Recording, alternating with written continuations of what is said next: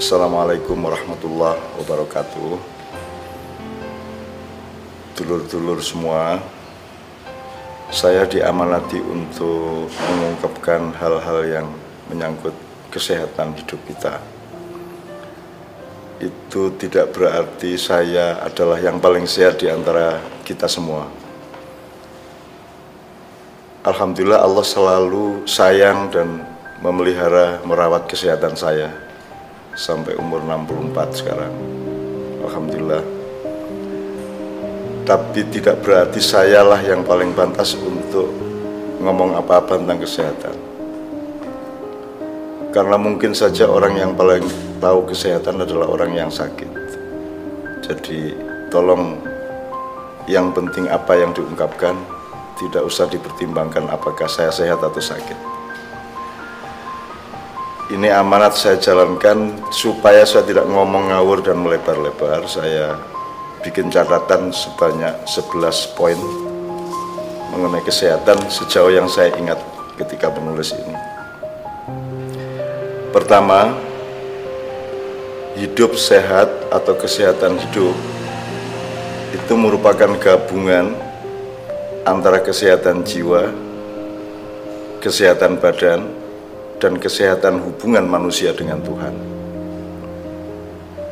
Gabungan itu artinya dia bersifat dialektis terkait satu sama lain serta bersifat komprehensif atau dia saling mendukung satu sama lain di antara unsur-unsur badan atau jasad dengan jiwa atau rohani dengan posisi hubungan manusia atau makhluk apa pun siapa pun dengan Tuhan.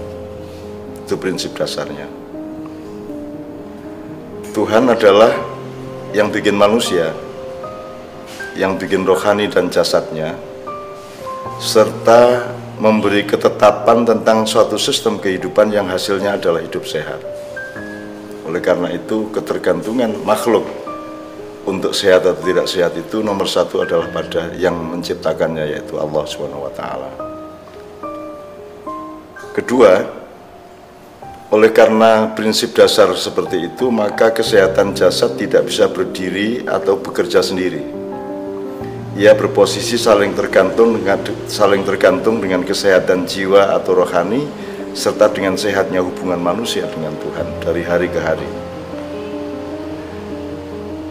Kita tahu ilmu kesehatan modern sangat rajin meneliti dengan seksama hal-hal yang menyangkut kesehatan jasad ada juga sedikit ditemukan kaitannya dengan kesehatan psikologi atau psikis, tetapi tidak sampai pada spektrum kesehatan rohani, di mana Tuhan disadari sebagai pangkal ujung sehat dan sakitnya semua makhluk, termasuk kita semua. Khusus untuk mengenali posisi Tuhan, Tuhan itu memiliki hak mutlak atas sehat atau sakitnya apa saja yang ia ciptakan. Tuhan tidak berpihak kepada sehatnya manusia berdasarkan konsep manusia tentang sehat.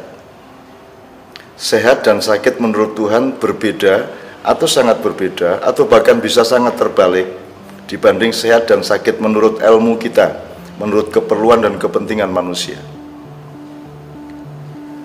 Kesehatan di mata Tuhan adalah keberadaan manusia di dalam kepatuannya kepada kehendaknya. Maka pemahaman atas kesehatan manusia bisa terbalik dari konsep kesehatan menurut Tuhan. Keempat, ada kemungkinan-kemungkinan yang mungkin tidak terbatas jumlahnya.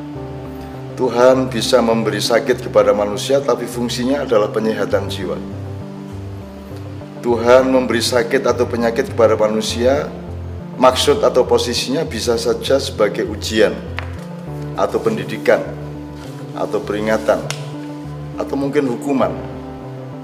Sebaliknya, Tuhan memberi sehat kepada manusia juga bisa merupakan ujian, pendidikan, peringatan atau hukuman. Jadi sehat dan sakit menurut kita ternyata bisa sangat terbalik dengan sehat dan sakit menurut Tuhan tergantung kita bisa menemukan enggak latar belakang kenapa Tuhan bikin kita sakit, kenapa Tuhan bikin kita sehat. Sakitnya manusia bisa membuatnya bersikap rendah hati dan sadar ketergantungannya kepada Tuhan. Sementara sehatnya manusia bisa merupakan semacam adab bagi manusia yang membuatnya sombong dan tergelincir hidupnya.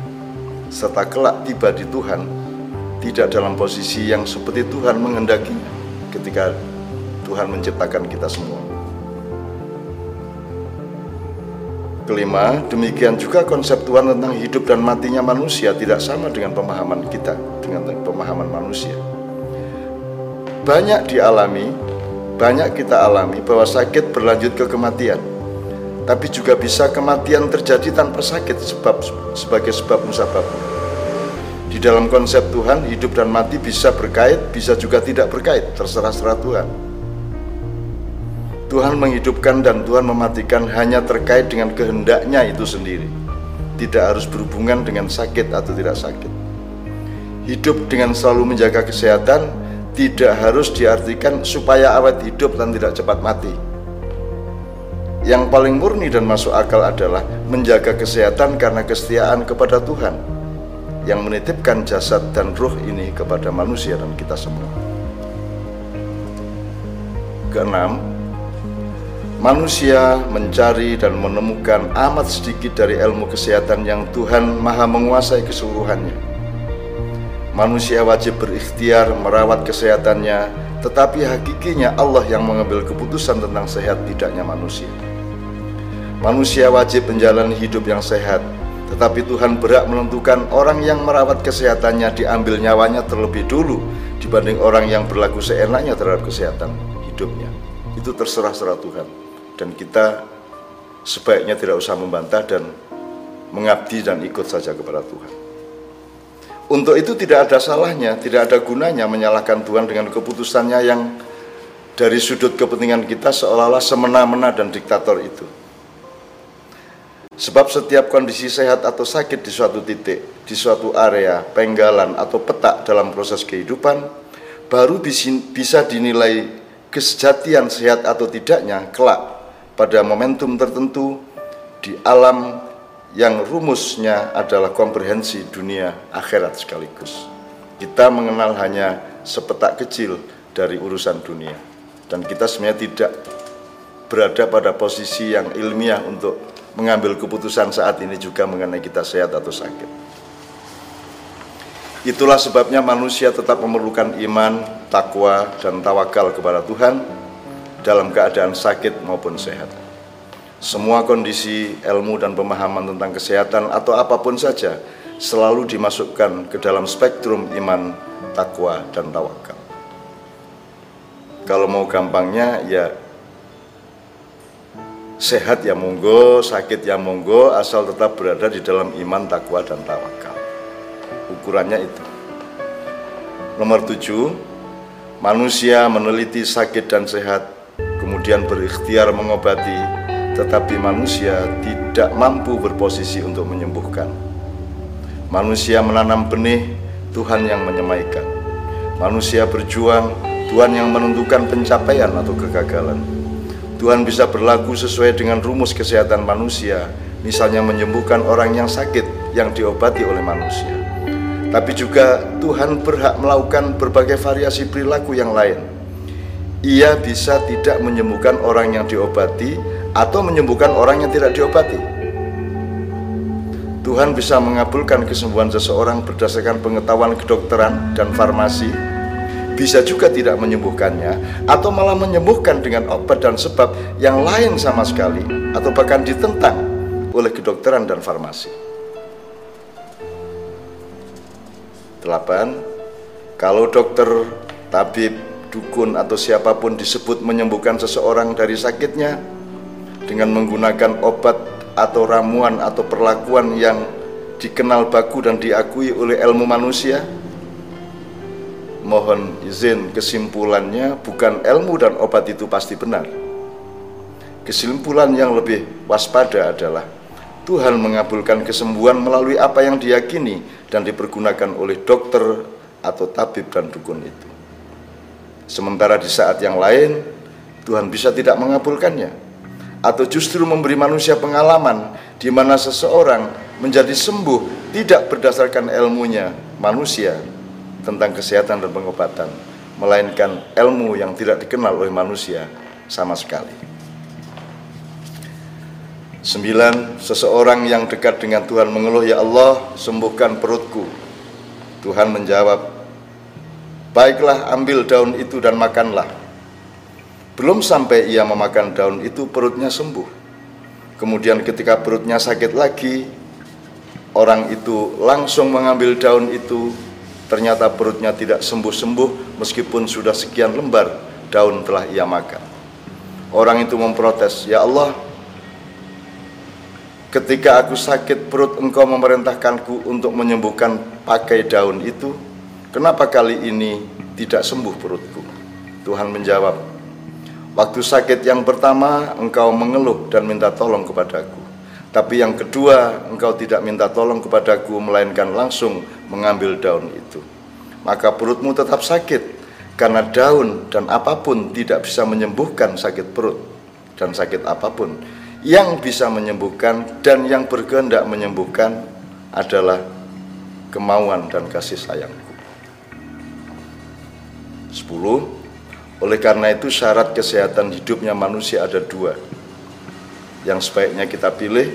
Meskipun kita bisa saja dibiarkan oleh Tuhan tetap sehat tanpa memilih keduanya. Pertama Memastikan secara permanen dan simultan pemfokusan hati kita kepada Tuhan. Hati kita bertauhid, pikiran kita bertauhid, setiap helaan nafas bertauhid, setiap langkah bertauhid, arah hidup kita bertauhid, pekerjaan kita bertauhid, senang dan susah kita bertauhid, kaya dan miskin kita bertauhid. Yang kedua, berpikir hakiki, berpikir sehat, berpikir jujur, berpikir positif, berpikir kompatibel dengan kemauan Tuhan. Roh dan jasad manusia adalah sebuah organisme, sebuah sistem, suatu putaran ekosistem, hardware, maupun bersama dengan softwarenya.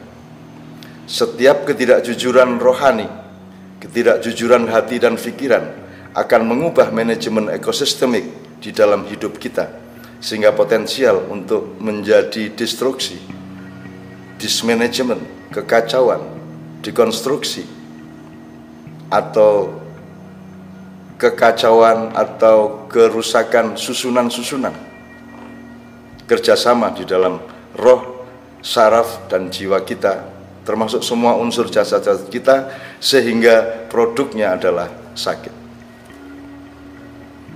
Sebelas maka hidup yang paling potensial untuk sehat adalah menghormati dan patuh kepada hakikinya kehendak Tuhan. Kemudian membuka diri pada setiap kemungkinan pada ilmu manusia yang menyangkut sehat dan sakit. Tidak ada ukuran ilmu kesehatan modern atau tradisional. Tidak ada acuan-acuan acuan ini dokter atau dukun atau tabib. Atau mungkin orang biasa yang dianggap tidak expert dalam kesehatan. Ukuran yang sejati dan yang lebih dekat kepada kesehatan hanyalah kejujuran ilmu kesehatan di tangan atau di siapa pun serta sadar ketergantungan kepada kehendak Allah. Dari Allah kita hindari amarahnya dan kita upayakan dekat kepada kasih sayangnya. Ini sudah ditulis dan bisa diperbanyak, tidak harus difahami sekarang, tapi mudah-mudahan setiap yang kita dengarkan bisa menjadi benih yang tertanam sehingga dia akan ditumbuhkan oleh Tuhan bersemai, berdaun, berbatang, kemudian muncullah buah-buah kesehatan di dalam hidup kita masing-masing dan semuanya entah dalam waktu berapa lama terserah-serah Allah taala. Assalamualaikum warahmatullahi wabarakatuh.